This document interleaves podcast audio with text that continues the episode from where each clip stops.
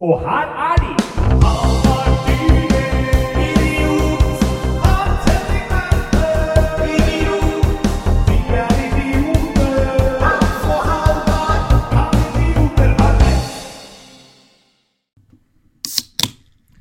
Og der er det erklært åpning Ja. av denne her fantastiske episoden av eh, en helt middelmådig Ja. terningkast tre-podkast. Kan idioter ha rett? Ja, ja, Hans Henrik Verpe, åssen går det? Ja, du hørte jo på lyden her nå åssen det går. Dette hører. er jo den offisielle åpningslyden. Jeg hører nå at eh, når kong Harald skal rundt og klippe snorer nå, så er jo ikke Skal de gå vekk fra det med å klippe snor? Da skal de stå men Da er det sånn Da knerter de med en tubor. Ja, du jekker eh, Ja. Hermed erklærer jeg Ja. museet for åpnet. Og så kommer den klikken der. For det er jo den universelle liksom Der er vi i gang. Nå åpner vi. Nå er det Nå spiller vi. Ja, ja, ja. Og så den, eh, den er der. Nei, det går bra. Jeg har eh, fasken. Det er jo eh, Jeg sitter jo her som fyr med fast jobb. Ja, du har jo nå altså rett og slett blitt og begynt å jobbe. Ja. Kommet ut i arbeidet Ja. som lektor. Typ Ja. skole, typ høy. Ja, og det er jo helt rart. Vi har jo nevnt det i poden her tidligere. Det er jo en av grunnene til at det er blitt eh, en stund siden sist. Fordi vi er jo busy-busy begge to, vil jeg si, eh, Vi nå. er opptatte mennesker. Ja, og det er jo da Dessverre så går jo det utover podkasten. Jeg, eh, jeg hører på en annen podkast om klassisk musikk hvor det kom sånn derre post på Facebook nå at eh, 'sadly we have to close down the podcast' og sånn, fordi de mente at de hadde ikke tid til å følge den opp. Men jeg tenker at der er ikke vi. Nei, vi Altså, stenger hvis, ikke. Nei, vi stenger ikke. Vi, hvis vi ikke har tid til å følge opp, så blir det bare dårligere og lenger mellom hver gang. Ja, Det er det, kan, liksom det kan godt hende at det plutselig så går det tre år Ja, ja. om ikke det kommer en episode. Ja. Men, det betyr ikke at podkasten er lagt ned. Nei, nei. Da kan det plutselig, ut av intet, dukke opp Ja. en ny episode. Det er jo litt av, eller blitt litt av den podcastens, podcastens essens. Mm. At vi skal ikke komme her og høytidelig stenge ned. Vi bare åpner opp, vi. Vi klinker og knekker opp. Men vi legger ikke ned. Og hvis det skulle vise seg at det går 3, 4, Mm. 5, 6, 7, 8, 9, 10 år Ja, men da kommer det ikke noe formell Nei. avskjedstale da. Da skjer det bare det, ikke sant? Ja, så, ja, og så Plutselig kan det dukke opp en ny episode. Ja. For den podkasten her vil aldri være lagt offisielt ned. Nei. Altså, det kan hende at det, plutselig kommer siste episode en gang, Ja. men den vil aldri slutte. Nei. Det er sånn Schrødingers episode. Ja. Ikke sant? Og det må være for de som Det er jo etter sigende noen der ute som er veldig sånn ihuga Ja. fans av podkasten her. Og jeg tenker jo det er litt sånn synd for dem hvis de merker at det begynner å bli sånn en måned, to måneder mellom hver gang. Ja. Og så plutselig sånn, begynner det å dra seg mot et år. Og da må jo de sitte og tenke sånn Å, faen, er det slutt? Har de slutta å spille inn? Og det vil jo ikke vedkommende vite. Og så plutselig kommer en episode etter et år. Ikke sant? Så det må jo være litt sånn vondt hvis du er fast lytter. Så må det jo være litt sånn vondt Ja, å kjenne på det. Men, men nå skal vi ikke male fanden på veggen. Det er jo ingen her som har sagt at det skal bli tre år mellom hver gang. På ingen måte. Vi sier bare at vi legger ikke ned. Nei. Vi bare åpner opp. Ja, vi gjør det motsatte av regjeringen. Ja. Vi åpner opp. Vi åpner Vi er konstant fase Ja, fire. ja, ja. Vi er denne, Dette er en koronafri podkast. Ja. Så det kan jeg ta helt med ro. Jeg, men jeg skulle jo si det at det er jo eh, litt av grunnen til at det, akkurat nå, at vi er inne i en lomme nå Mm. med litt lav slippfrekvens, det skyldes jo at du eh, holder jo på med DKS og jaller Ja, rundt. Jeg er jo da ute i Hamar eh, to dager i uka, Mm. sånn som det er nå, og underviser og holder på der. Eh, og det spiser jo en del tid, og gjør også at den Ja. andre tida jeg har igjen, går liksom til andre ting. Jeg fortsetter jo å trylle og gjøre standup og sånn med uforminska styrke, så det det er klart at det, det er mindre fritid. Det er det. Uh, Så er det sånn at det er en podkast som spilles inn på kvelden. Ja. Så når da uh, vi også har kveldsjobb, så er det klart at da blir det litt Men vi prøver å slippe så ofte vi klarer. Ja. Vi, og det er hyggelig at dere hører på. Ja. Til alle. Ikke alle nødvendigvis. Nei. Det kan være at det er noen parkeringsvakter Ja, ja. og noe Ja. Hvor mange der vi har pælmøte? Nei, det er, å, det er lang liste Ja. nå. Jeg husker vi sa det på kødd på, i tysken på videregående. så var det sånn, Da hadde du regelboka, hvor vi skrev opp reglene til tysk grammatikk. Og så hadde du unntaksboka. Mm. Ja. Og den var gjerne større enn regelboka, for det er så mye unntak i tysk grammatikk. At unntaksboka er større enn regelboka. Nå begynner det å bli i den podkasten her nå. Sånn at det lista over eh, lyttere vi ønsker velkommen, Ja. den begynner å bli liten Ja, nå. jeg har uh, nye folk som skal på den lista. Ja. Og det er folk som fløy fra Gardermoen 20. august 2021. 20. august 2021. Hva, Ja. Det er jo ikke så lenge siden det. Nei. Vi treffer uker siden. Dere som var på Gardermoen den dagen, Ja. slutt å høre på. Nå er jeg spent. Jeg var ute og skulle gjøre en jobb i Volda. Ja. Jeg skulle jo fly dit. Møter da opp på flyplassen en time før, som man skal. Ja. Da var det 700 meter kø i sikkerhetskontrollen. Ja. Og det gikk sånn sikksakk gjennom, og så gikk det kø utafor sikkerhetskontrollen. Rundt hele den svære plassen inne i Gardermoen, og til ut ytterdøra. Ja. Én fordi det var mange folk der. To fordi folk kan jo faen meg ikke fly! Nei. Altså Der står det da nyvaksinerte østfoldinger som skal til Syden. Ja, ja, og de aner jo ikke åssen det funker i sikkerhetskontrollen. Nei. Så de kommer jo der, og da kan da stå ved båndet uten å ha tatt på seg belte i forkant. Ja. Og det går så treigt. For det er liksom sånn Nå har du stått der og eh, i en halvtime i kø, og så har du ennå ikke sortert ut tannpastaen din Nei. i en sånn pose. Åh, sånne folk må dras ned på festningen og lines opp. Ja, ja, ja. Det er jo eh, Hva skal jeg si eh, Nei, for når du malte det bildet der, så tenkte jeg at det her må jo være koronabemanning eller et eller annet kapasitetsgreier knytta til korona. Det er også at Gardermoen Ja. valgte da bare å ha halve sikkerhetskontrollen åpen. Ja. De valgte å stenge halvparten. Ja, Og så ser jo ofte køene ille ut om dagen, fordi gjerne må holde én meters avstand og sånn, så ser køene mye mer brutale ut, men så går de ofte fortere. Det er én kø det ikke er én meters avstand i. Ja. Det er kø på Gardermoen. Ja. Er, det er koronafri sone. Ja, men er ikke liksom den derre meteren de, de maser jo om den nå. At eh, det er fortsatt nasjonal anbefaling om å holde meteren. Ja. Men så ser du nede fra Arendalsuka der, politikerne står og de leker stein, saks, papir og tar hverandre i hendene og klemmer og Du merker jo lynnet nå blant de som bestemmer. Folk er vaksinert, vet du. Ja, ja, Stort sett. ja de er det. Jeg skal ta vaksinen nå, ja. Ja, bra. Det er Jeg, eh, på tide. Ja, jeg, Det er jo på grunn av, altså, dette er helt, det er jo på grunn av folk som deg som ikke har surra til å ta vaksine, at ikke de har åpna ja. mer. Jeg på vegne av eh, Norge, da, så må Ja. jeg bare si sorry. For at det, det, går, det har gått treigt med meg, og jeg er jo eh, kommet i en situasjon nå hvor jeg er pukka nødt til å ta den vaksina. Fordi nå med den jobben jeg har, og det, altså jeg, jeg, at det er et under at jeg ikke har hatt korona allerede. Jeg, altså jeg hører på, hør, nå skal jeg male et bilde her. Ja. Vi snakker om en fyr som pendler til Hamar to dager i uka, minst. Der, bare på det toget der. Den, er det smitte. 1 time og 20 på toget der. masse, masse smitte. Masse smitte, masse kontakt mellom masse folk. Og det er da jernbane Først er det T-banen ned til byen. Så er det opp på plattform 11 på Oslo S der. Så er det inn på det toget, og så er det opp og undervise, klassevis. Så er det tog tilbake, og så er det T-bane. Dette er to dager i uka. Så kommer kveld og helg, hvor jeg da tryller rundt. Ikke sant? Ja. Så jeg mø det fins jo ikke en person i Norge som møter flere folk enn meg. Du møter jo også da unge folk som ikke er noen er vaksinert. Ja. Og der sprer jo den der deltaen seg som et Ja. i unge Så, men jeg har jo da liksom, før jeg fikk meg fast arbeid, så har jeg liksom ikke stressa med det greiene der. Men nå, nå skjønner jeg det at nå må jeg For én ting er min helse, den er jeg ikke så farlig med. Jeg tror jeg hadde takla korona godt, liksom.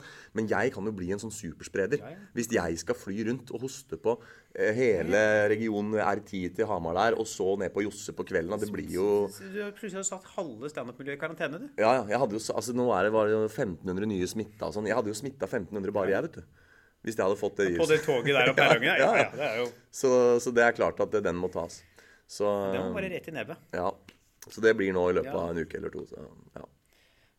Men det har eh, jeg, også, jeg var jo i den Volda-turen som jeg snakka om. da. Vi er jo kjent siden sist spalten. ja.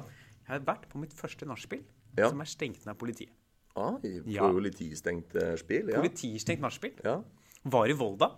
Eh, da var det litt liv og litt musikk. Jeg hadde gjort eh, standup, så vi blei med noen folk eh, til dem og drakk litt hos dem. ja. Så var det var ikke sånn kjempemange. Det var litt folk som vi satt og var høy musikk og sånn. Ja. Og da kom lensmannen, da. Banka, lensmannen. ja, banka på. Nå må alle gå. ja. Nå er dette nachspielet stengt.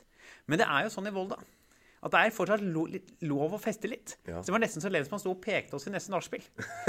For det var jo fire nachspiel lenger oppe, så han var sånn Nå må dere gå herfra. Da er det 100 meter opp her, Ja. og så er det til høyre. Der er det nytt nachspiel. Der har Pettersen eh, Ja. nachspiel nå. Og Der, der har vi- kapasitet. Og der har vi vært og gitt advarsel, så det er ikke stengt ned ennå. Der Det er mulig vi kommer en runde til der, Ja. men det er ikke før om tre kvarter. Nei, og da, da skal vi sørge for at vi har et nytt nachspiel klart til dere når vi kommer dit. Så dere kan ta det helt med ro. Men hva var bakgrunnen for at de stengte det første nachspielet? Jeg tror bare det var høy musikk, altså. Eh, at det ikke var noen naboklager. Å, det er rått. Det er bare på bygda du Ja, det er helt nydelig. Det skal være litt sånn. Ja. Og så hadde han ikke så mye å gjøre, stakkar. Nei. Men hva er det liksom Einstein påstår det at tid er relativt. Er det litt sånn at det- tida liksom Fordi Oslo, altså Hvis du går langt nok tilbake i tid, så var det sånn i Oslo. Altså Seinmiddelalderen så var det jo sånn i Oslo. Og så har jo liksom blitt modernisert, og så har det ting blitt litt mer HMS her i Oslo. Mens ute på distriktene så er det litt mer sånn Der ligger de litt bak. Ja, de ligger er det noe sånn time space continuum-greier? At det bare går treigere på bygda? Jeg tror det går treigere på bygda. Ja. Fikk jeg høre at to uker før vi kom til Volda, Ja. så hadde det vært et enormt smitteutbrudd Ja. på et sted som het uh, Mai Sushi. ja. Der var det en litt sånn eldre Og jeg var jo der og spiste. Ja. For de hadde åpna opp igjen nå, bytta navn til Hai Sushi. Sånn at ikke folk skal assosiere det med smittespredninga. og der var det da de Bytta fra mai til hai? Ja. Fra mai, til hai. Mai til hai Sushi. Eh, og det var da i andre etasjen i et bygg Og der, hun som bodde der, var litt sånn eldre dame. Hun syntes det var litt artig at folk fikk komme. da. Ja. Så på kveldstid så pleide hun å låse døra, og da var det sånn 180 inne i restauranten hennes og festa til sånn 4, 5 og 6 på morgenen. Ja. Og folk klatra inn vinduer. da. Ja. Så det kom inn én fyr, da, hosta litt inni der en dag. Da var hele Volda ute av spill. Ja, ikke sant. Det er liksom, Hvis du ser bort fra korona, som er, er nydelig med litt sånn eh, type eh, virksomhet som det der, da. Jeg husker jo at eh, Jeg er så gammel at jeg husker jo røykeloven kom. Eh, og jeg røyka ikke da, for da var jeg jo bare barnet. Men da jeg begynte å røyke i en alder av sånn 17-18, så og begynte å skulle gå på byen og sånn. Da var det jo akkurat blitt sånn at det var ikke noe røyking på byen da. Det var liksom noen sånne avanserte, overbygde bakgårder sånn hvor det gikk av, men inne var det ikke lov, da. Men da var det fremdeles sånn at eh, når det stengte når byen stengte ned. Ja. Altså ikke stengte ned, men når klokka blei og du skulle stenge for kvelden. Som også er et, et, noe nytt begrep.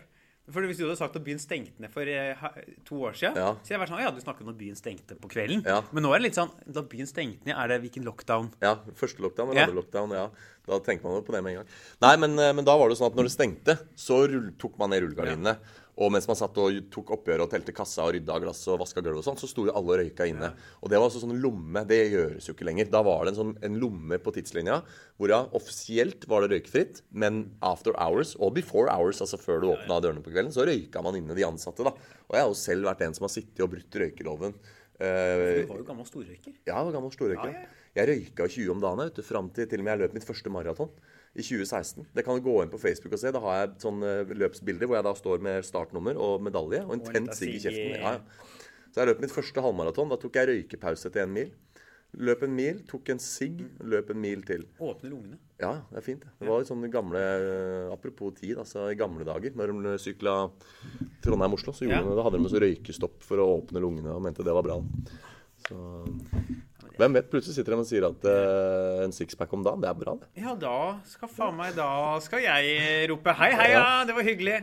Det er som jeg sier, at du har gjort at man skal kjenne at man lever. Jeg sier jo skal kjenne at man har en lever. Ja. Det er mitt, mitt Skal kjenne at du har en lever. Ja. Skal kjenne at man har en lever, som jeg Hvordan kjenner du at du lever? Jeg kjenner, jeg kjenner at jeg har en lever. Ja. Ja. Kjenner at du lever når du har en lever? Ja, det må jo være må jo, Det er derfor den heter det. ikke sant? Ja. Det heter jo på engelsk 'liver'. ikke sant? To live, a To live, liver. Det er den som lever deg. Du lever i er leveren. To live or not to live. Ja. Liver or not to live. Ja. Så den skal, ja da, Ja, ja. den skal jobbe. Men eh, Nei, men faen, det er jo eh, skjedd siden sist. Storgata er tilbake.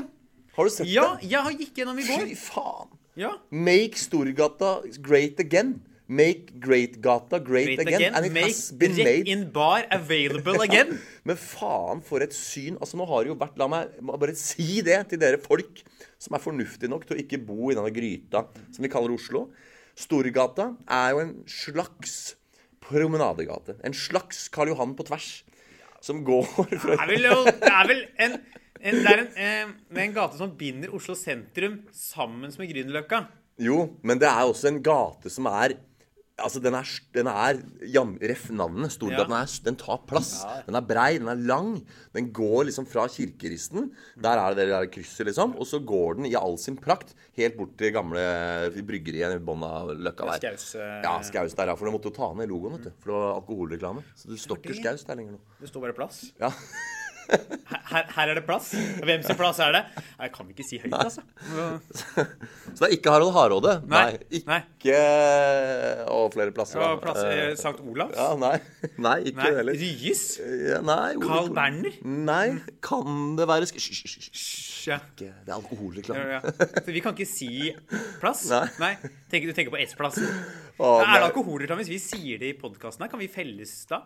Altså, alt det jeg har sagt om Jeg åpna ikke jeg Kir engang. med Kir er jo da in, Unnskyld, det er innsidelingo for Kan idioter ha Jeg åpna jo Kan idioter ha rett med å si at denne sendingen er sponset av Tuborg eller noe. Så hvis vi har noen Hvis vi har noe der, så er vi fucked for lengst. Denne sendingen er sponset av Tuborg Lite, tror jeg. Ja. Det har jeg hørt riktig ja. i hvert fall. Men faen, det er humor, da. At det er liksom eh, For det, hvis du på Josefine, da så Der fra gammelt av så hadde jo Josefine var jo innreda med bru, gamle brusreklamer Ja. og gamle ølreklamer og tobakksreklamer.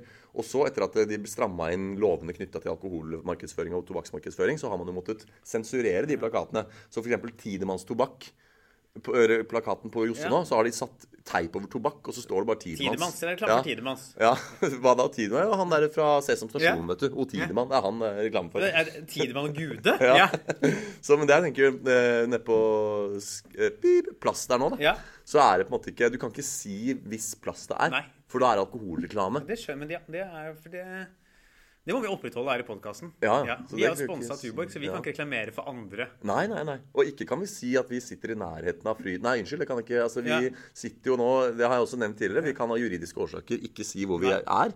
Men, eh, men jeg kan røpe at det ikke er langt fra et annet nedlagt bryggeri. Ja. Uh, Altså Der hvor, der hvor grønnkjerra ble produsert i gamle dager, Ja. såpass kan vi si at det har blitt produsert grønn og blå kjerre der. ja, ikke sant? For det er jo um, Ja, og så er det et, det jo et, et slags stred, dette her. Ja. Et, et stred. Det er et slags Er det Beringstredet? Nei. Nei. Men det er et stred. Ja, eh, og det er jo type tre. Ja. Er det Buestredet? Nei, men det, er, det, er nær, det nærmer seg. Ja.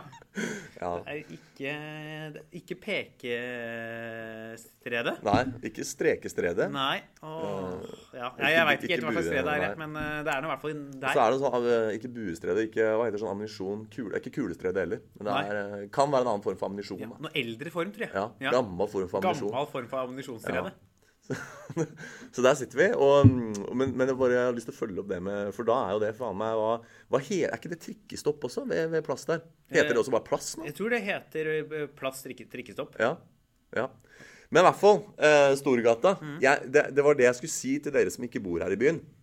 Den har jo vært Apropos nedstengt. altså Storgata har jo vært totalt Den har vært opp, isolert fra Ja, den har Det jo vært vært en vollgrav. Ja, men, og det ikke bare har vært en vollgrav, men det har jo vært en vollgrav i hvor lenge da? Jeg tror det er en mastergrad siden sist jeg kunne ta en Voi gjennom eh, Storgata. Jeg, tror nok det var mens vi gikk på bacheloren, ja. Ja, fy fasken. Det er så lenge siden, vet du. Og det er jo for én ting er å rive opp noe asfalt og liksom renovere en vei, men det der er jo, der går jo trikken og går jo der ute. Mm. Og trikken den rister jo berggrunnen så veldig. Så hver gang du skal øh, øh, det er sånn, En gang hvert 70 år eller noe, så må de liksom totalrenovere. Ja, og det det går utover byggene. Ja, og så er det så jævlig vanskelig å, å renovere der, fordi alle de gamle byggene som også er verneverdige, som har stått der siden 1904, de blir jo rysta av at trikken kjører her, så må graves jævlig forsiktig, og så må du sjekke at ikke husene blir skada. Det tar jo så jævlig lang tid. Eh, nødvendigvis de mest solide byggene som er rundt Storgata. Nei. Vi pleide å podde i det der ene bygget, Ja, ja. og det, det var Det var jo fallferdig. skeivere enn Skjeve tårn i Pisa, Ja, ja, ja. det der eh, gamle studioet der. Ja, Det var egentlig sånn sett trygt at vi har kommet oss ut av de offisielle studioene til i hvert fall de gamle. Ja. Så eh, Men nei, for det er jo Nå var det jo nettopp på nyhetene det er Nye Veier AS. Altså De bygger jo motorveier i rekordtempo nå. Det er jo venstresida-politikken vil jo ha lagt ned det firmaet fordi de voldtar naturen. De bare, Istedenfor å bygge broer og tunneler, så bare sprenger de alt og lager firefelts motorvei over hele Norge nå. Har du sett den saken? Nei, jeg har ikke sett, det. Nei, men det er i hvert fall- det rører seg. Hm? Norge. De asfalterer Norge. Ja, ja, asfalterer Norge.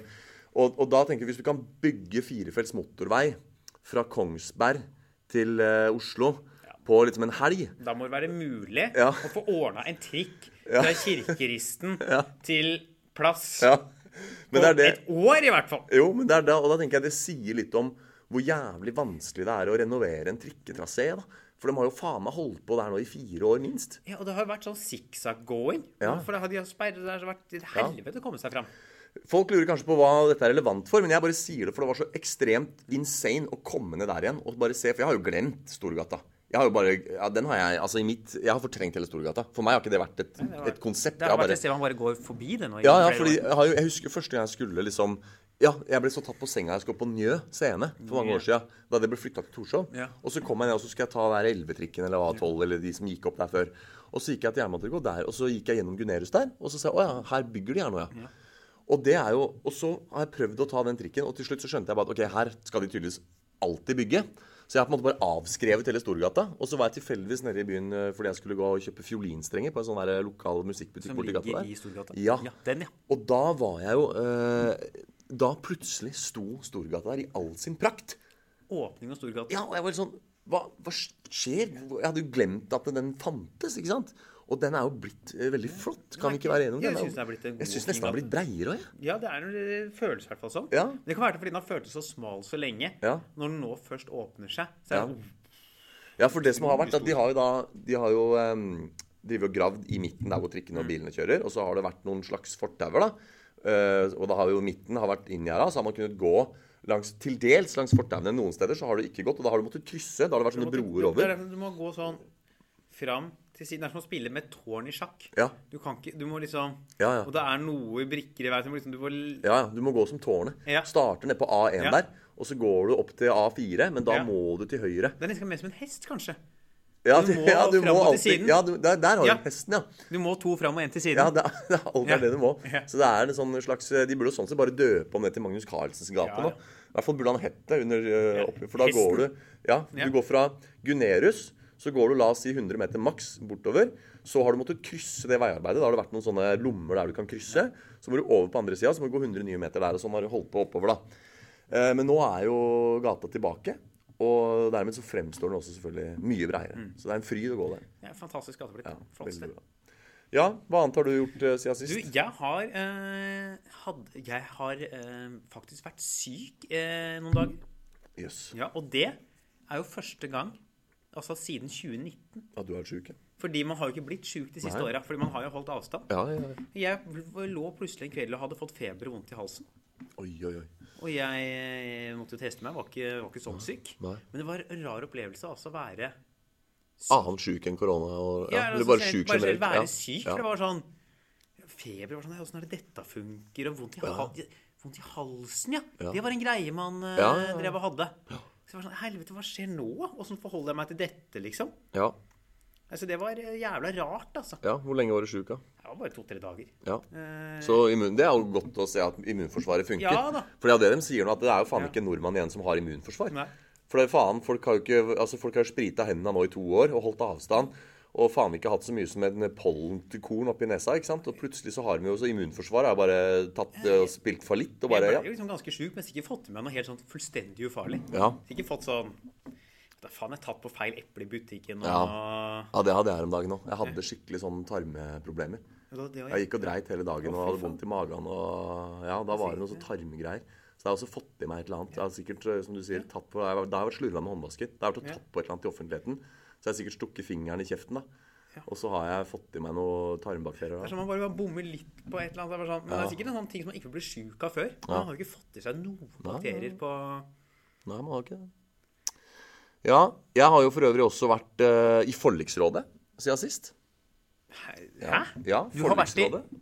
Og jeg har jo lansert her i sommerspesial i Kan Jotreit at jeg tar ikke påtale fra lavere enn en Nei, det har vi vært tydelige på. Ja. Du, hvis du skal være i noen rettslig instans og skal bli anklaget, så er det Riksadvokaten som må, Yes. som må da, eh, hen, altså da legge frem den anklagen som du er anklaget for. Eneste som gjelder. Jeg tar ikke påtale Nei. fra politi og lensmannsetat. Jeg tar ikke påtale. Så du hadde blitt igjen på det nachspielet jeg var i Volda Ja. Når lensmannen kom? Ja. Dere må, dere må Ring statsadvokaten. Ja. Jeg tar ikke påtale fra tingrett eller lagmannsrett eller forliksråd eller snut. Eneste jeg snakker med, er riksadvokat. Og det er fordi jeg, som jeg har nevnt her, jeg har vært og trylla underholdt i en sommerfest for Riksadvokaten. Så jeg er dus med Riksadvokaten, og det er det eneste jeg snakker til. Så hvis du spør meg, Halvard, om jeg ble dømt i forliksrådet Ble du dømt i forliksrådet? Nei. Nei. Jeg tok ikke påtale. Nei. Jeg tok avstand Ja. fra den påtalen. Du har erklært deg ikke skyldig i Jeg anerkjenner ikke dette rommet. Jeg aner, var det ikke det han der Breivik satt og sa? At jeg, jeg påberoper meg riksrett, for jeg anerkjenner ikke norsk domstol. Var ikke det en sånn han prøvde å prosedere Det på? var noe greier. Ja, faen, det var jo det han ville liksom var, Jo, i forbindelse med at han, om han erklærte seg skyldig eller ikke. Om han, det var sånn, Jeg erkjenner de faktiske forholdene. Jeg kan ikke erklære meg skyldig, fordi da anerkjenner jeg rettssystemet, og det gjør jeg ikke, liksom. Fordi jeg skal ha riksrett og bla, bla, bla. Han skulle til menneskerettighetsdomstolen. Dit skulle han. skulle han Ja, så, men, men han er jo idiot. Men jeg har jo mitt på det rene her. Altså, jeg eh, Hva var du anklaga for? ja, det er det, da. Det er, eh, det er forresten folk som ikke skal høre på. Dette er, gjelder da finansterroristene. Svea Finans. Eh, altså hvis det er eh, Hva skal jeg sammenligne det med? Det er finansverdens Post Nord. Altså det er verdens verste foretak. Som da har prøvd Altså, nå i de er like ille på finans som Post Nord er ja, på Post. for de er jævlig, de, Vi må ikke uh, misforstå her. De er jævlig flinke til å få fakturaene fram. Ja, så egentlig så burde altså Hvis du skal ha levert en pakke, Svea Finans Jævla bra opplegg. Ja, ja, ja. Altså, Leiligheten min har vært sånn her, Du vet den scenen i Harry Potter 1 hvor de her jævla uglene kommer med det brevet? Ja, det har vært, altså Jeg har fått så mye brev fra de jævla terroristene der som har prøvd å få meg til å betale et krav som er meg totalt uvedkomment. Og jeg har altså bestridt det kravet fra dag én, men de har sendt så mye faktur, og de har sendt så mye inkassovarsler og så mye brev at jeg får bare har fått på flashback til den der for han faren til Dudley gjemmer unna det brevet som er innkalling til Ja, og så bare Og så for hver gang han gjemmer et brev, så kommer det en ny due eller sånn ugle eller hva det er, med nytt brev. Og til slutt så spyr en brev ut av peisen. Sånn har det vært. Altså, jeg har stått i knes i inkasso. For du har ikke, du har ikke seng hjemme. Nei, nei. Du sover bare oppå gamle På en seng av inkasso sover jeg. Altså, det er eh, Det er mye, det er mye røde tall i, Ja. i eh, fôret i den madrassen der. Du har rødt laken. Ja, så, men det er eh, eh, altså en gjeng da, som har prøvd å drive inn uten å kjede. Og det er sikkert noe taushetsplikt der så jeg skal være forsiktig med detaljene. Men det er jo et, et illegitimt krav. da. Jeg er blitt utsatt for en svindel, og jeg har politianmeldt det. eh, og det har vært en helvetes prosess. Så det Eh, vil si at Svea Finans ja. står på lag med svindlerne. ja, ja, De tar er, svindlernes side. Ja, og du har ikke noe rettsvern du, i, i sånne saker. Du, altså, bare for å ta Nei, jeg venter litt med det. Jeg skal si det andre først. Eh, det blir bedre dramaturgi. Jeg har jo altså måttet kaste bort så mye av livet mitt. Altså, jeg har, altså, hadde ikke, nå, nå har jeg fast jobb. Jeg hadde, jeg, hadde ikke, altså jeg hadde ikke kunnet gjøre annet enn å betale hvis det hadde vært nå. Jeg har, denne saken har jo forfulgt meg gjennom noen år hvor jeg har vært student og, og frilanser og ikke hatt de helt samme forpliktelsene på dagtid. Eh, hadde det vært nå, og vi har jo tidligere i podkasten lest opp mine klager til Ja, Ruter og de er, de er lange. Ja, så, og jeg fikk jo, nevnte jeg det, at jeg fikk eh, gjort om den bota. Vi snakka om det på poden? Ja, jeg vi fikk refundert den bota. Ja, ikke sant? Ja, og samme system der. Lange mails, det er der det ligger. Så jeg har jo nå eh, kjempa med nebb og klør. Altså, jeg kunne vist deg Jeg har en perm hjemme som er sånn tjukk. Nå viser jeg med hendene. Den er i hvert fall 10 cm tjukk. ja, det er eh, halvannen ølboks bred. Ja, ja. Og det er da mailkorrespondanser.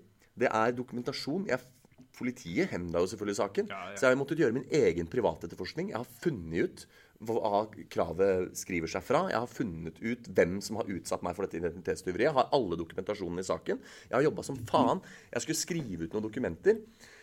Og hadde ikke blekk på printeren, så jeg måtte ned og kjøpe blekk for 1000 spenn bare for å printe ut de siste dokumentene. Så, det, så på. er det mulig å spørre Ja. Hvis du hadde valgt å bare betale kravet med en gang, Ja. Hadde det vært billigere enn det blekket du brukte for å Eh, nei, altså Blekkutgiftene alene hadde ikke vært billigere. Men antall kroner brukt på det her, og antall timer Ja. Jeg ville tjent på å betale et illegitimt krav, og det er litt av poenget. Det er sånn, der har du, sånn er det i dag. Eh, dette, nå snakker jeg ikke om, om eh, måte rettsforfølgelse generelt, men innenfor type svindelsaker så skjer det veldig ofte sånn en av to, at enten det lønner seg kroner og øre for deg å bare innse at du har blitt svindla, og betale. Og punkt to, hvis du tar det til retten, sånn som jeg gjorde, Ja.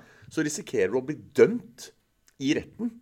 Hvor da eh, den som er i ledtog med de kriminelle, på en måte har loven på sin side. Altså, den, ja, altså Juryen vil ende opp med å dømme deg fordi at det blir sånn ord mot ord-situasjon hvor du ikke, ikke får bevist noe, og så blir du bare blir du dømt til å betale. Eh, og, og det, så det som skjedde her, det var jo at eh, det er tydelig at Svea hører på podkasten vår. For jeg har jo sagt, jeg har jo erklært her at jeg tar ikke påtale Fra fra lavere enn riksadvokat. Så tror du Svea møtte opp? De møtte ikke opp, nei. Møtte ikke opp. Og det også er jo, eh, og det var derfor det ikke ble noe dom i saken. fordi de der, terroristene har jo skjønt at han jeg har jo sendt, De har jo vært in the loop på at jeg har holdt på og, og bestridt kravet og etterforska, og at det har vært en innsats fra min side her. Så de, de har nok, For det kom aldri noe offisiell utsagn fra dem på at vi på en måte trekker saken. Nei, de bare møtte ikke opp. Nei, de bare, de bare lot være å møte opp. Hvordan funker dette forliksrådet? Jeg har aldri vært i forliksrådet. Nei. Møter opp i en rettssal? I et, Ja. i et, på et kontor? Ja, på, altså Forliksrådet er enkelt forklart eh, en blanding av et råd, altså et meklingsorgan, Ja. og en domstol. Men når du sitter der og Svea ikke møter opp, Ja. Øh, hvordan slags rom er det i? Hvem er der i tillegg til deg? Ja. Hvor i Oslo er dette? Uh, ikke så langt herfra. det er et stred. Ja. Uh, det er et visst stred eh, i Oslo. Og da er du inne i et rom Da er det et rom. Og eh, sitter og venter med en dommer. ja, altså, du kommer inn Det er jo sånn samlebåndsrettssak, bare Ja. for å ta det med en gang. Det det er jo et, et meklingsorgan hvor de prøver å få partene til å enes. Og hvis du ikke enes, så er de en domstol. Og da har du det sies jo det at den laveste domstolen i Norge er tingretten. Det er ikke riktig. Du har forliksrådet som er under der, men de eh, forliksrådet tar jo bare sivile saker, ikke, straffesaker. ikke sant? Så den teller, altså Hvis du har domstolhierarkiet, da, så er egentlig ikke forliksrådet en del av det hierarkiet. Den står på sida, på en måte. Ja, Det står når, du, på når du skal bedømme Oslos beste restaurantburger, Ja, så står på en måte McDonald's på sida. ja egen skala. ikke Ja. sant? Ja. Og sånn er det. Det er bra oppsummert. sånn at du har egentlig da eh, igjen, for Det er derfor de- det kalles et meklingsorgan. For du kommer dit for å megle og bli enig. Er enig. domstolens doktor Drop-in. Ja, litt sånn. Så, og, da kom, og apropos drop-in, da kommer du inn. Du får jo sånn veldig formelt brev da, fra fogden hvor du innkalles. Og så får du en dato og et klokkeslett. Og det igjen. Altså, jeg, jeg skulle ikke noe den onsdagen, og det var jo flaks. Altså, Jeg hadde jo plutselig skullet noe. Jeg kunne hatt en tryllejobb, jeg kunne hatt forpliktelser. Og så må jeg da for du kan ikke, altså det, er klart at De dommerne i, forli, i forliksrådet de også har jo 9-4-jobb. Ja. Så du kan, du kan, ikke kjøre det der på kvelden. Så når de sier 'kom hit klokka 11', da må du bare komme klokka 11. Da. Da. Ja, Uansett hva du skal, om kona skal føde. Da er det bare å møte opp, det. Så jeg kommer dit, venter jo i votter og vintre. For dette er jo offentlig sektor, må vite. Du må ikke ja, tro så Du sitter bare på venteværelset fordi han holder på med andre saker i forkant? Ja, ja. Der inne er det derfor jeg sier det er sånn samlebåndsgreie. Ja, ja. fordi de, de, sitter jo og krangler, ikke sant. Og før meg så var det noen andre eh, parter da, som var inne og, og, satt der og aldri ble enige. Så da drar dette ut. Og de kan jo ikke gi seg før enten forlik er inngått eller dom er avsagt. ikke sant? Så det går jo treigt. Så etter først å ha satt av hele den dagen og møtt opp der tidlig Kafka kafkaesk eh, ja, situasjon. Det er, det er, nesten sånn der eh, Beckett. Det er noe litt sånn eh, Samuel Beckett for de som tar den. Mens vi venter på, på domfellelse. Ja. Mens vi venter på dommeren. Ikke sant? Mens vi venter på Svea. Kommer jo faen ikke. Svea kommer ikke dit. Nei, Svea har ikke bedt oss. Sitter jeg der, og så ser jeg da Jobba med fyrverkeriet sitt, de. Ja, ja. Så jeg blir eh, Jeg sitter og venter, som du gjør på et legekontor. Venter på å bli ropt opp. Og det er sånn forventning hver gang den døra åpner opp, og du kobler den ut. 'Er det min tur nå?' Nei, da var det ingen som ble ropt opp. 'Å nei, nå skulle hun bare sprite håndtaket.' Nei, nå skulle han bare på do. ikke sant? Så gang nummer 100, da, hvor noen kommer ut Jeg bare ser for meg at det er et rom hvor det sitter deg og 50 andre. Ja, ja. Så er det en dør der. Hver gang den døra åpner, så lener alle 50 seg fram. Sånn, ja. og lager sånn.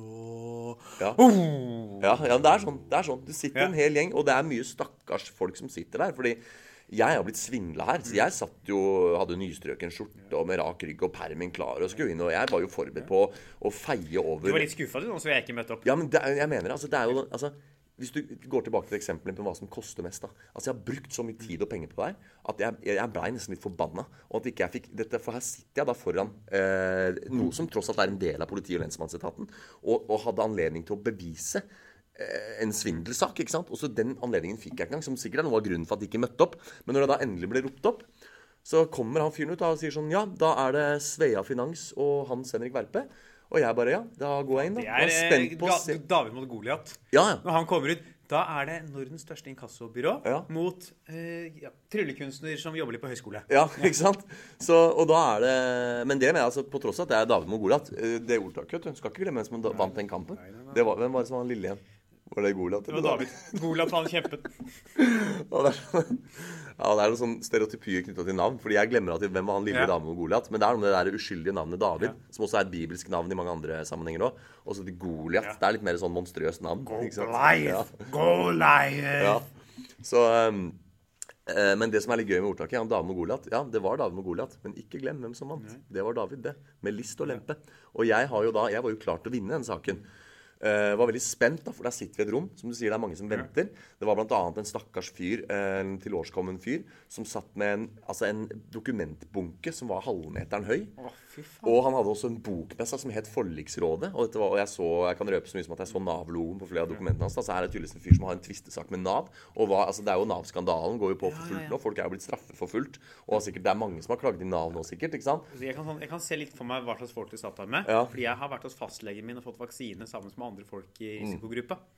Ja, ikke sant? Og det var, det var, jeg var eneste uten verge. Eller? Ja, ja, God sammenligning. Det er, det, er som, det er, et sånt rom. da. Ja. Så sitter mye spillere der. Mange pokaler, mange sluggere.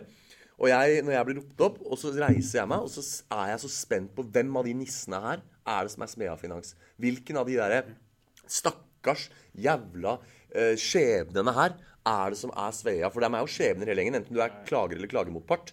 Hvis du, klage, hvis du er klager, så er du en skjebne fordi du har havna i en twist med en idiot som ikke vil gjøre opp for seg. Hvis du er klagemotpart, så har du en skjebne fordi du er i ferd med å bli rulla over av hele rettsvesenet her. ikke sant? Hvis du jobber i Svea Finans, så er du et offer fordi du jobber i Svea Finans. Ja, det er, eh, det, ja, det er må jeg, altså de som tar, som går ut fra BI mm. og havner der, det, altså det må være Tenk at du, du, har brukt hele livet ditt på å ta en utdannelse, ja. og så velger du bruke den utdannelsen på rævkjøre ja. stakkars folk.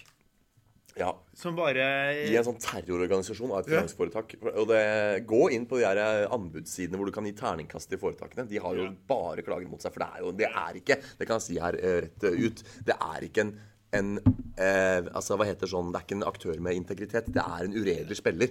Eh, noe som kom til uttrykk i den saken her òg, da. For de har bare fått beskjed vi skal ha i dette i kassoet. Ja, Og de Koste hva det koster. ja. Og da tenker de sånn De driter i om du er skyldig eller ikke. Ja. De skal ha sine 20 eller 30 eller hva faen det er prosent. Ja, ja. Det er det eneste de bryr seg om. ja, ja. Så de, de, altså de, skal, de skal ha de penga. ja. Og de, driter i De er bare sånn OK, vi skal ha disse pengene. Mm. Uansett hva. ja. Altså Folk som jobber i Svea Finans, Mm. de hadde eh, voldtatt og kutta huet av sin egen mor ja, ja for en donut. Ja, ja. Det er sånn de er. Så, øh, men øh, tenk deg det. Tenk deg at du har feteste russebussen på hele Hva heter Handelsgym? Du har råeste russebussen. Du begynner på BI, tar en bachelor, du skal erobre verden. Du og så begynner du å jobbe, begynner å jobbe i Sverige. Ja, det må være, må være døvt. Du sitter her på studiet, ambisjonen Ja. skal bli gründer. Ja. Du skal aksjemegler i statene, du skal på Wall Street, du skal Mm. starte selskap, og så kommer du ut Så vi har Finans. Ja, fy faen. Sånn er det. Men i hvert fall, jeg reiser meg opp, går inn i rommet som du spør om. Jeg kommer meg inn i et rom. Det er da eh, type en slags rettssal, i den forstand at det er, eh, det er en mellomting mellom kontor og rettssal. Da. For stort til å være et kontor, for lite til å være en rettssal. Men liksom ganske høyt under taket, ganske bredt rom. To- Stor pult foran dommeren. Ja, veldig stor Dommer og dommer, altså rådsmannen, det heter. Jeg vet ikke hva sånt heter, jeg, men eh, han i midten. da, Og da er det altså Det er en sorenskriver i hjørnet, akkurat som i en rettssak. Altså en som da sitter og skal transkribere det som skjer, og det som blir sagt. Og så sitter det en slags dommer i midten, og så har han en person på hver sin side. Det må være en form for sakførere, tror jeg. Eh, For eh, For det er ikke lekdommere her. Nei, det er en fagdommer i midten her, og så er det noen Jeg velger å kalle dem sakførere. Dette har jeg ikke satt meg inn i. Jeg rakk jo ikke å få høre mye der heller, for jeg måtte jo bare gå igjen. Men så er det satt fram da to ganger to stoler eh, på en måte på hver sin side av dommeren, da, vendt mot den pulten. En ganske sånn stor pult.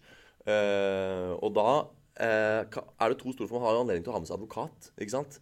Og det har jo heller ikke jeg. Jeg har jo vært min egen advokat oppi dette her. Og måtte lese meg på loven. Jeg har vært min egen etterforsker. Og etterforska saken. K altså krim, Jeg har vært eh, kriminolog her og kjørt et opplegg. Kriminolog, eh, advokat, eh, offer, Ja, ja. Så, eh, privatdetektiv. ja, ja. Minst. Så, så det er jo det som er eh, Det er derfor jeg liksom nesten ble forbanna når jeg kom inn der. Og så eh, kom jeg kom jo inn der og er jo den mest uh, strigla fyren i rommet. Så da jeg kom inn, så var det sånn Ja, Svea Finans, da kan du sitte her. Og jeg bare Nei. Jeg er ikke Svea Finans. Jeg er klagemotpart. For han hadde lest Hans Henrik Verpe er anklaga for dette. Ja. Så han satt og tenkte sånn «Å, Hans Henrik Verpe kommer til å komme inn her som en slubbert. Ja, ja. Han kommer her Ja. med Ja, langt hår, ja, Ja. riktig, da. Men, ja. men det er ikke mye stram hestehale på han fyren her. Her skal det komme inn en fyr. Han skal lukte greit. Urin. Ja, urin. Og tobakk. Og han skal være liksom en fyr som ikke har dusja på en stund. Og han skal liksom eh, i, i loffete klær. Ikke sant? En fyr som har bestridig et eh, krav her. ikke sant? Ja, Så kommer jeg, den, den mest eh, pynta fyren i hele venterommet, kommer inn der. ikke sant? Og bare ja, det er Svea Finans, du kan sitte her. Jeg bare nei. Jeg ble nesten fornærma. Sånn, hva tar du meg for? Ikke sant? Jeg skal ikke, jeg klager mot partiet. Ser ut som jeg er medlem av eh, finansverdens Taliban. Ja, ikke sant? Så ser ut som jeg nettopp har uh, erobra en eh, Ja, nei. Så jeg gikk og satte meg, da, og så kom jo ikke noen andre til å sette seg på den andre stolen. Eh, og så går han dommeren da ut igjen og prøver å finne Svea. De er jo ikke å spore. Kommer inn igjen sier bare at eh, ja, da har ikke jeg noen eh, etterretning i saken som skulle tilsi hvorfor ikke de har møtt her i dag. Men da har de altså ikke møtt. Og det som skjer videre nå, er sånn, også forklarer han da hvordan eh, hvordan eh, eh, jeg nå da at saken er avsluttet for min eh, sin del. Med mindre det dukker opp noe fra deres side da, hvor de forklarer at eh, vi kunne ikke møte pga. sånn og sånn. Og I disse koronatider så er man litt ekstra raus med det. Plutselig kommer det et eller annet fra dem om at vi har ikke møtt pga. ditt og datt. Men eh, etter alle solmerker så vil jo dette her nå da bare være avslutta. Og så sa han liksom så, med mindre du har noen spørsmål, så er vi ferdige. Så sa jeg nei, spørsmål, spørsmål. Eh, jeg vil jo bare si at sånn som jeg forstår saken Og så stoppa han meg og så sa han vi snakker ikke om saken. Fordi hvis, det rulles, hvis du får ny innkalling, så blir vi inhabile hvis vi har snakka med deg om saken. Så vi kan ikke snakke med deg om saken, vi nå. Og da, altså, da kjente jeg blei litt sånn um, For da sa han ene, som jeg kaller sakføreren, da, sa liksom sånn Ja ja, da blei det mye venting på deg for ingenting i dag. Og da fikk jeg slengt inn et litt sånn Ja, og forberedelser. Og så vifta jeg med permen og gikk. For jeg hadde jo da brukt så jævlig mange timer, og nå har jeg brukt mange minutter av en podkast her på å fortelle om dette her. Ja, for det det er, men det er en lang historie, dette her. Ja, men det er jo, men så innholdsrik er den. For jeg har jo faen holdt på. Jeg har jobba, etterforska, brukt penger og tid. Og jeg har ikke tall på hvor mange mails og hvor mye ressurser som er gått med. Og hvor mye jeg har måttet forsake. Altså, jeg har måttet si nei til ting fordi jeg driver holdt på med det her. Og så kommer jeg her, så møter de faen ikke opp. Ikke sant? Det er, det er nesten for Det skal ikke være sånn. Nei, det skal ikke være sånn. De burde jo få en straff. Ja, det er det, mener også. det er, men det er jo derfor de sannsynligvis ikke har møtt opp. For de har jo skjønt at hvis de hadde møtt opp her, så hadde jeg rulla over uten advokat. Jeg hadde rulla over dem. Uten advokat så hadde jeg vunnet den saken der. Jeg hadde så mye dokumentasjon. Og da ville jo de dem på ryggen og kom i dem i trynet og rulla dem ut igjen. Ja, Hva var det for en referanse? Eh, det kan jeg ta etterpå. Ja. Ferdig. ja. Nei, så det Så der eh, Så det var den saken, da.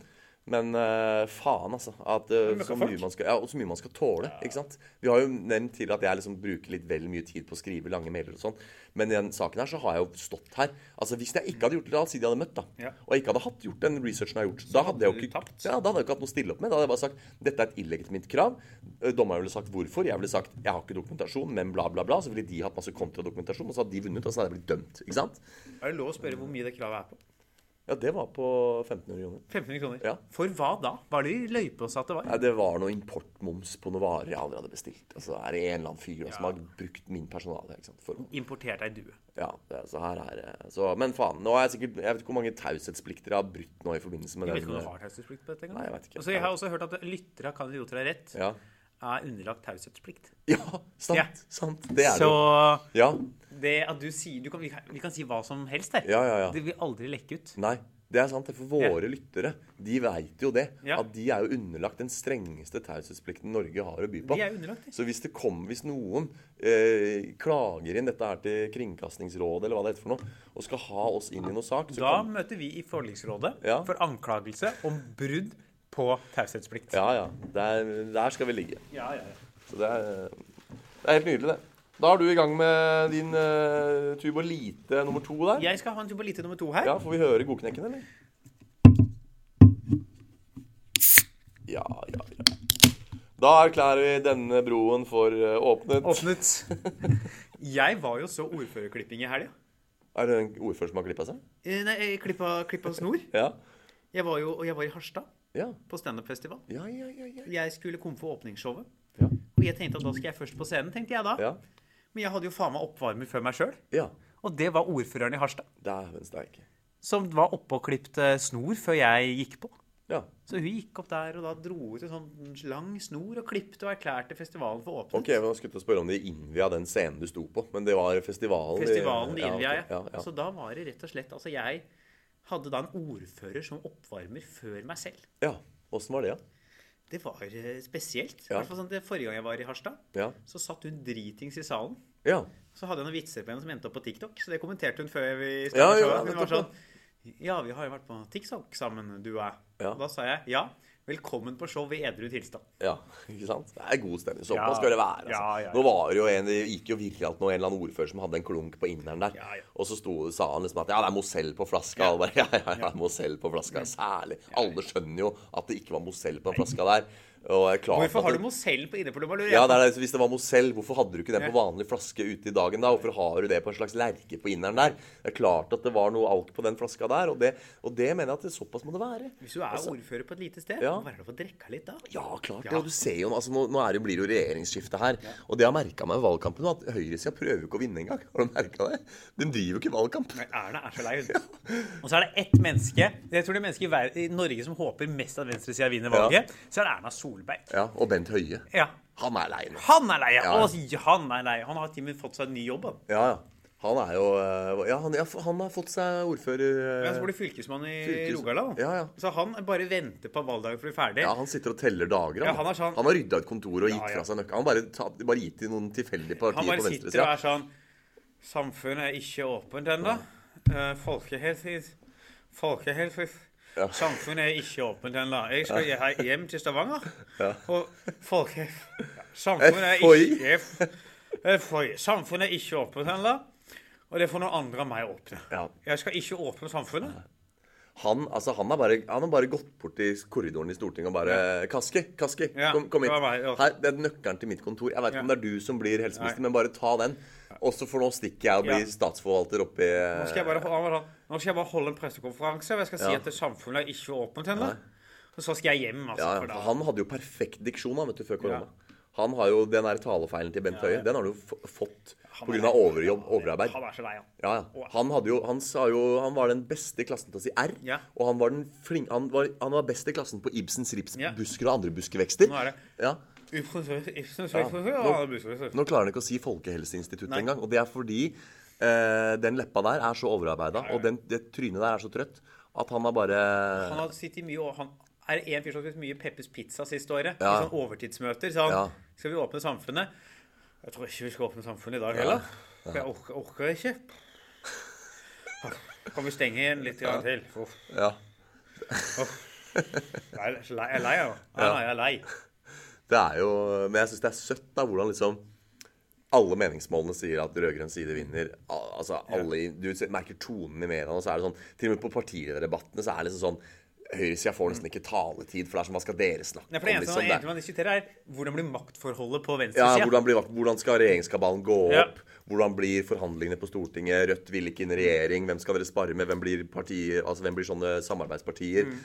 Og hvilken politikk skal dere føre? Altså, det er ikke sånn, Høyre får ikke taletid i debattene, fordi det er ikke deres politikk som skal føres. Så det er ikke interessant å høre hva de har å si. ikke sant? Ja, det var sånn, ja, ja, flott, flott, flott. Ja. Neste, nei, ja, dette, dette er, dette er, det, ingen kom, Guri Melby, Ja.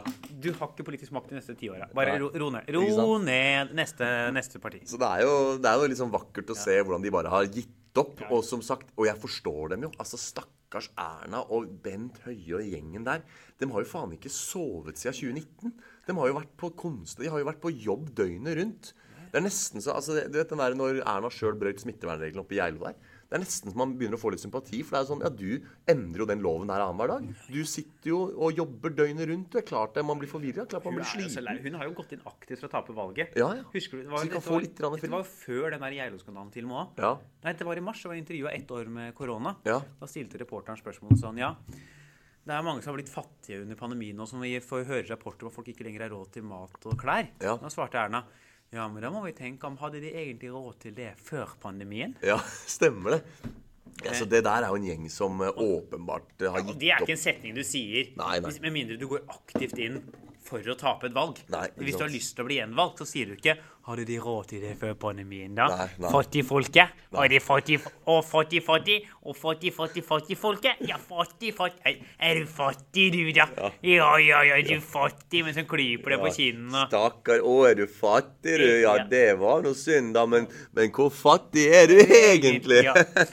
Du er vet at den avstøtten Ja. på 12 000 kroner i året, det er 12 000 mer enn de får i Ghana. Kanskje du skulle ha spart litt mer. Ja, Ja. Kanskje du skulle ha spart For det er ikke en telefon jeg ser der. Trenger du egentlig mobiltelefon?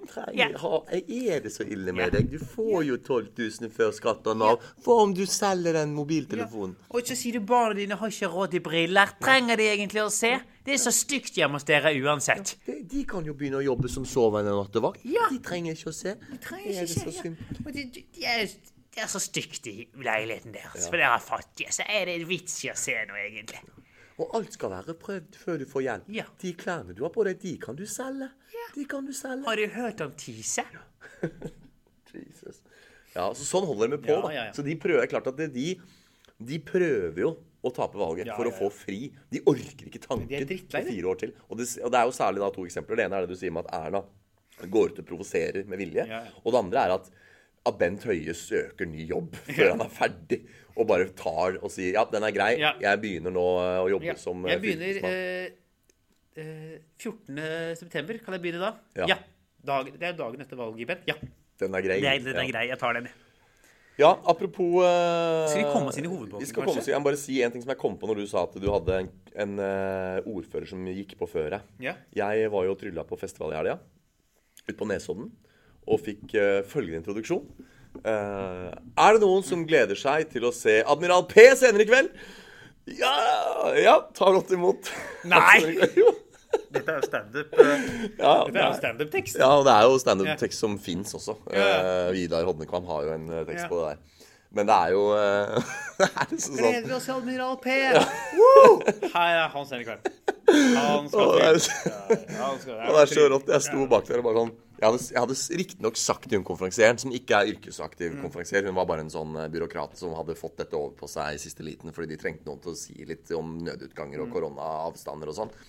Og så sa hun ja, hvordan vil du at jeg skal introdusere deg? Jeg bare sånn Nei, du, jeg har egentlig en litt sånn morsom greie på at jeg, varmer opp publikum og gjør en sånn warm-up-ritual med dem. Og så du trenger ikke å gjøre det så mye, du trenger ikke å gjøre så mye ut av det. Bare kjør det low-key, sa jeg til henne. Så det er jo jokes on me da, når jeg ber henne gjøre det low-key. Men Men jeg vil også tenke, opp når du ber om low-key, Ja. da vil jeg sette meg, da er det i hvert fall ikke ved gleder seg til Admiral P. Nei. Da er det Nå skal vi ha trylling. Ja. Gi en stor applaus til Hans. Henrik Verp. Ja, Ja. ikke sant? Nei, altså Hun går opp og forteller først litt sånn om nødutganger og, og koronaregler og alt sånn. Og så er han sånn Men er det god stemning her? Jeg bare Å nei, du skulle jo ikke bygge skulle ikke jazze opp, skulle bare kjøre lowkey. Og sånn, ja, nei, få høre. Er det stemning her? Åh, ikke sant? Og så er det sånn Ja, er det noen som gleder seg til Admiral P senere i kveld? Hva det som skjer her nå? Vi snakker om Admiral P, som er faen meg de største artistene Norge noen gang har sett. Og så skal jeg, som er den tryllekunstneren i Norge med det navnet som er vanskeligst å huske, så skal jeg Ingen veit jo for jeg er, for faen. Og så er det sånn Ja, Admiral P! Ikke sant? Ja. Da skal vi ta godt imot en herlig fyr som nei, nei, skal trylle og er sånn What? Så, jeg går, så det blei en, eh, ble en klein, eh, tung intro der, da. Ja, det, det hørtes tøff ut. Ja, det var Å, fy faen. Det hørtes helt grusomt ut. Ja. Åssen gikk tryllinga? Nei, det gikk faktisk bra. Det gikk bra. Det er jo sånn sett så er det jo bra at jeg har lagt meg til en vane Ja. om å ha en Ekstra intro. At det er en warm-up der. Et lite oppvarmingsritual som gjør at vi kommer i gang. Altså. Og apropos komme i gang, eh, la oss gå i gang med denne La oss starte denne podkasten. Ja. Vi skal til hovedbolken. Vi skal det. Kan idioter ha rett? Da erklærer vi denne hovedbolken for, for åpnet. Ja, er, vi skal ha litt low-key hovedbolk i dag. Ja, Men det er jo, vi, vi føler vi må jo snakke om En viss fyr. ja, Kjell uh, Ingolf, eh, har jo bodd på gutterommet. Ja, Kingolf, som vi bare Kingolf kaller har han. Han har jo da bodd, uh, vært bosatt på gutterommet, Ja. ifølge han selv, i nå 14 år. I en alder av 34, altså. Ja, Og da fått, eh, mens han har eid leilighet i Lillestrøm, Ja. og fått leilighet i Oslo. Så du Nils Ingar Rodne sin på Twitter? Eh, nei, Den syns jeg. jeg var god.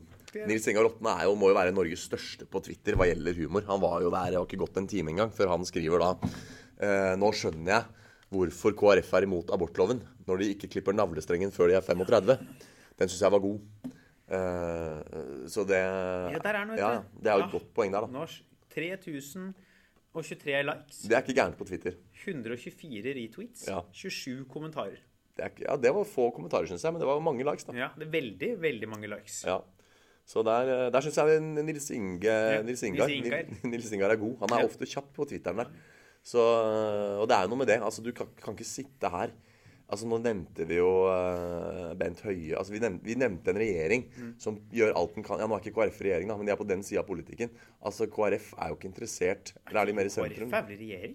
Er det? Ikke bare Høyre Jo, selvfølgelig er det regjering. regjering. De har jo ministeren. De har jo Ropstad Ja, er de- jo familieminister. Ja, ja. ja, nå bare tenkte jeg at det var bare blå, men det er blågul Ja. regjering, selvfølgelig. Ja. Ja, ja.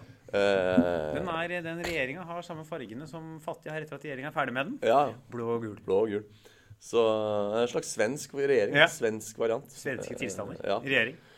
Men faen, du kan ikke Altså, vi har en eh, helseminister som har søkt ny jobb. Ja. Vi har en statsminister som prøver alt hun kan å provosere befolkningen.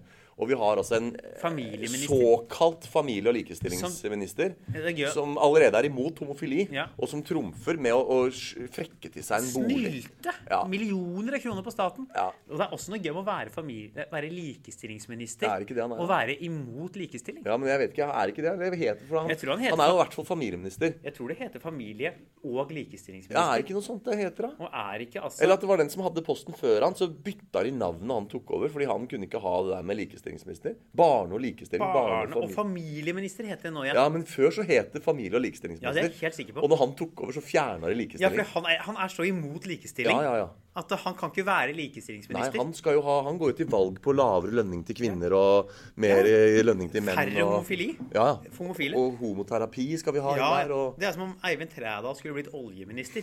At han skulle blitt likestillingsminister. ja. Å, den er god.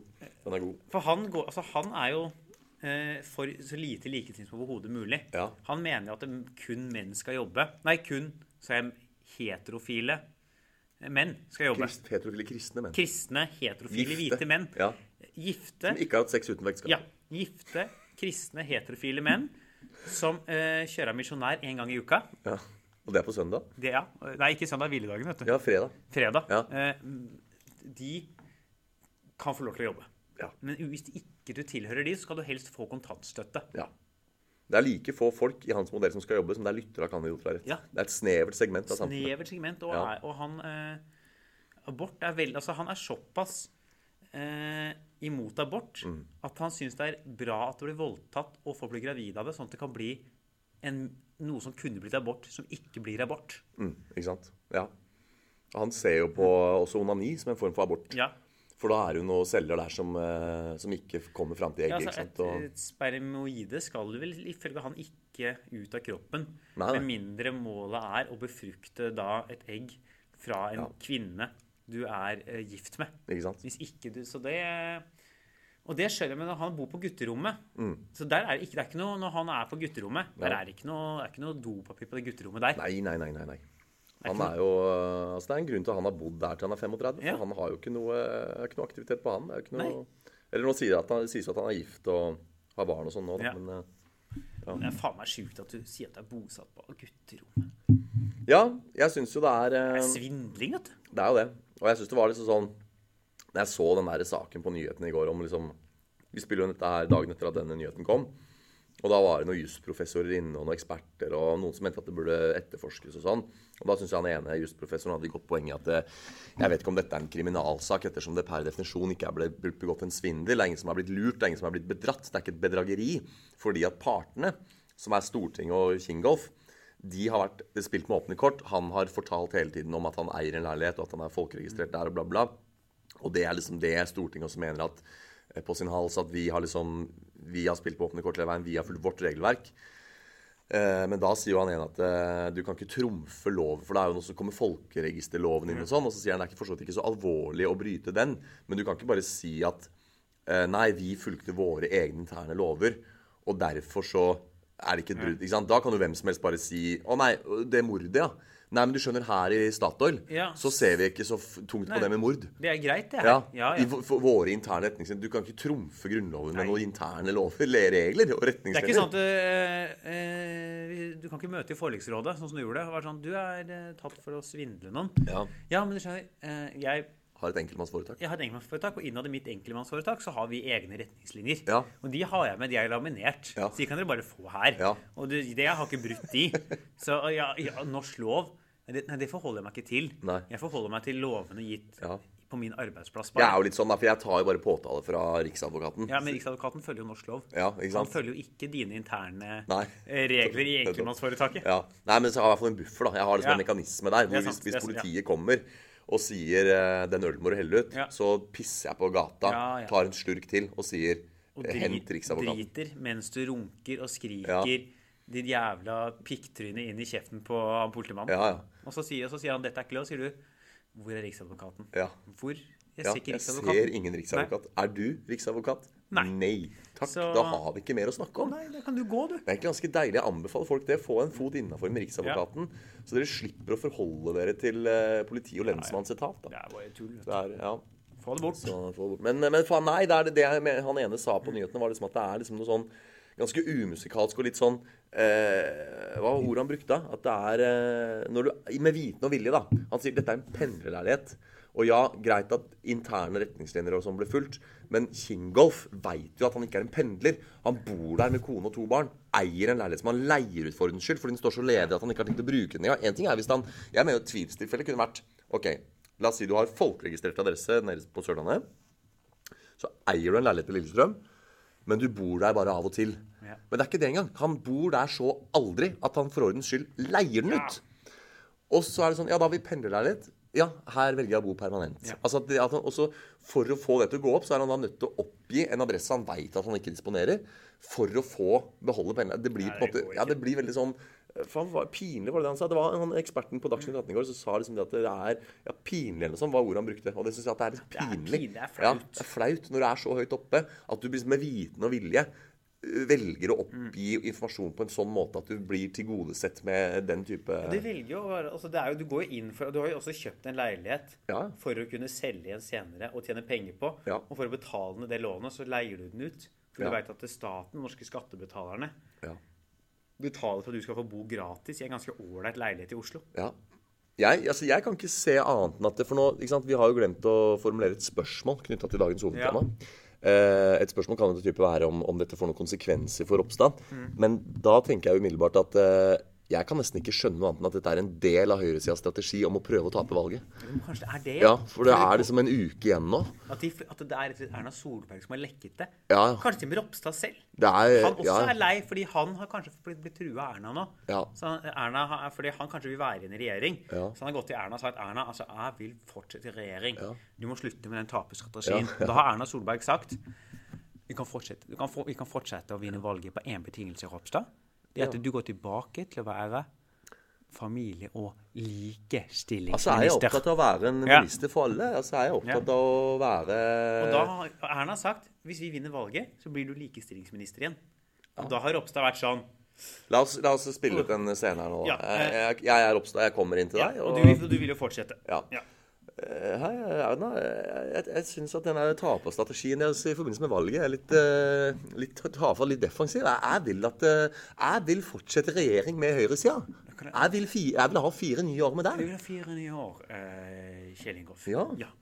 Vi eh, i Høyre kan gå med på å- forandre strategien og ta fire nye år. Men det er jo helt fantastisk, Men-. Det er jo helt fantastisk. Da går vi i gang, og så Ja. vinner vi etter valget. Og vent, vent litt, Kjell Ingolf, for da er det en eh, liten eh, betingelse. OK. Jeg, jeg er med på hva som helst. Jeg skal vinne dette valget. sant? Du er jo nå barne- og familieminister. Det stemmer. Jeg er opptatt av å være en familieminister for alle. Og, og hvis vi da vinner valget, så er vi faktisk nødt til uh, å gå tilbake til den gamle ministerposten.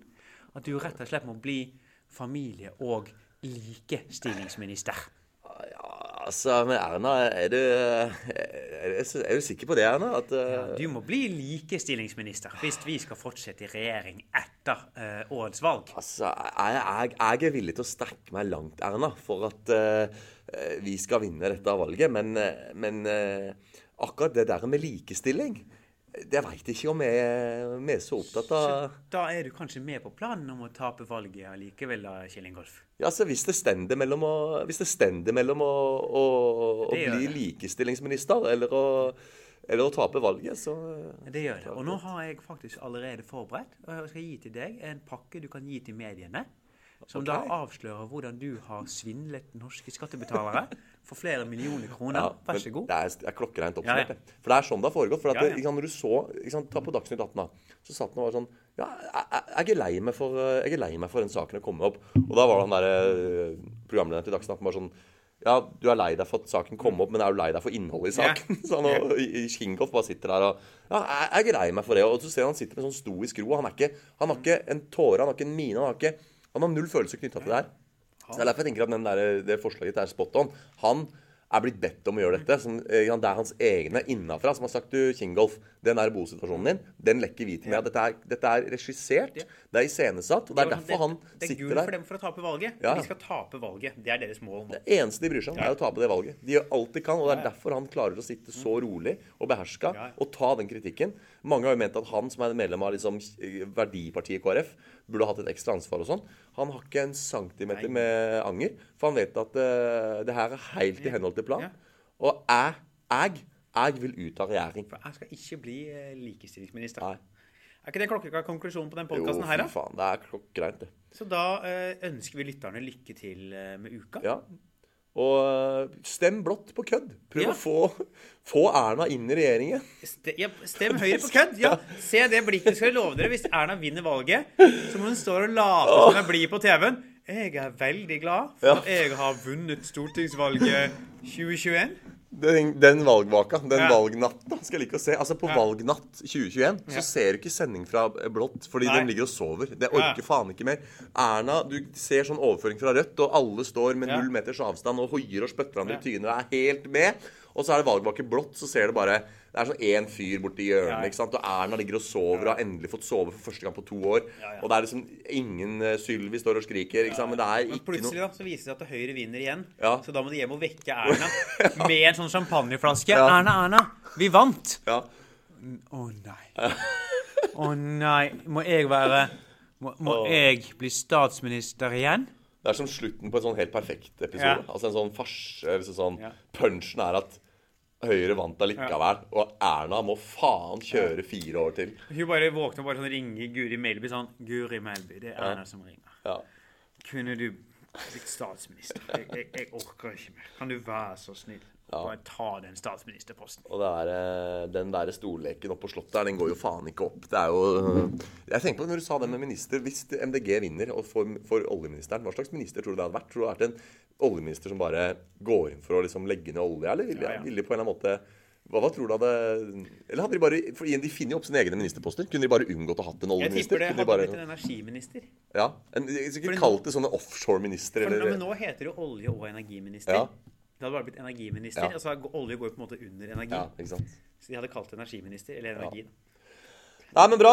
Eh, godt valg. Stem Høyre på kødd. Eh, og utover det så har vi vel ikke noe Vi har ikke noe å meddele. Hvis dere vil se meg framover, så er det bare å begynne på videregående i Østfold. Ja, du skal ut på DKS-turné Ja. med showet Oppvekst? Nei, hva er det? Livsmestring. Det er Livsmestring, ja. Ja, ja, ja. Oppvekst er Hodnevann, det. Eh, og jeg skal på Josse på torsdag. Jeg vet ikke om vi klarer å slippe det her for torsdag. Nei, men, det eh, gjør vi ikke. Nei. Så ikke kom dit og se meg, for da er det noen andre som står Ja. når du hører dette. Um, Jeg er på Latter neste uke.